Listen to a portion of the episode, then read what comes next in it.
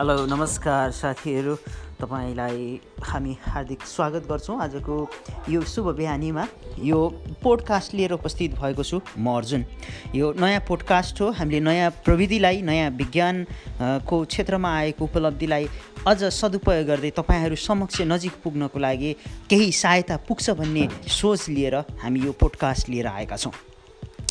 यो हाम्रो नयाँ प्रयास हो कस्तो लागिरहेको छ सुनेर कृपया हामीलाई सल्लाह सुझाव र प्रतिक्रिया दिनुहोला। हामी त्यसको अपेक्षा गरिरहेका छौँ। यो पोडकास्टमा के कस्ता विषयवस्तुहरू हामीले जोडेर अगाडि बढ्दाखेरि के कस्ता विषयवस्तुलाई समेटेर अगाडि बढ्दाखेरि अझ तपाईँको लागि उपयोगी हुन्छन् त्यस विषयमा पनि हामीलाई सल्लाह सुझाव र जानकारी दिनको लागि हामी हार्दिक अनुरोध गर्दछौँ। धन्यवाद।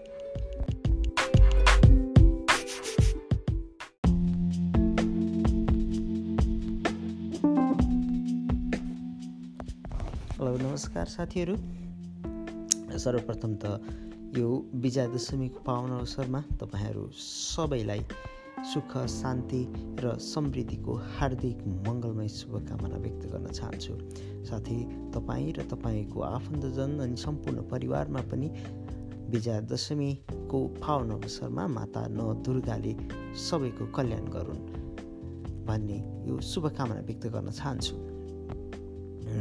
यो दसैँलाई कसरी मनाइरहनु भएको छ? हामी विजया दशमीको यो भोलिपल्टको यानि कि दोस्रो दिनमा छौँ।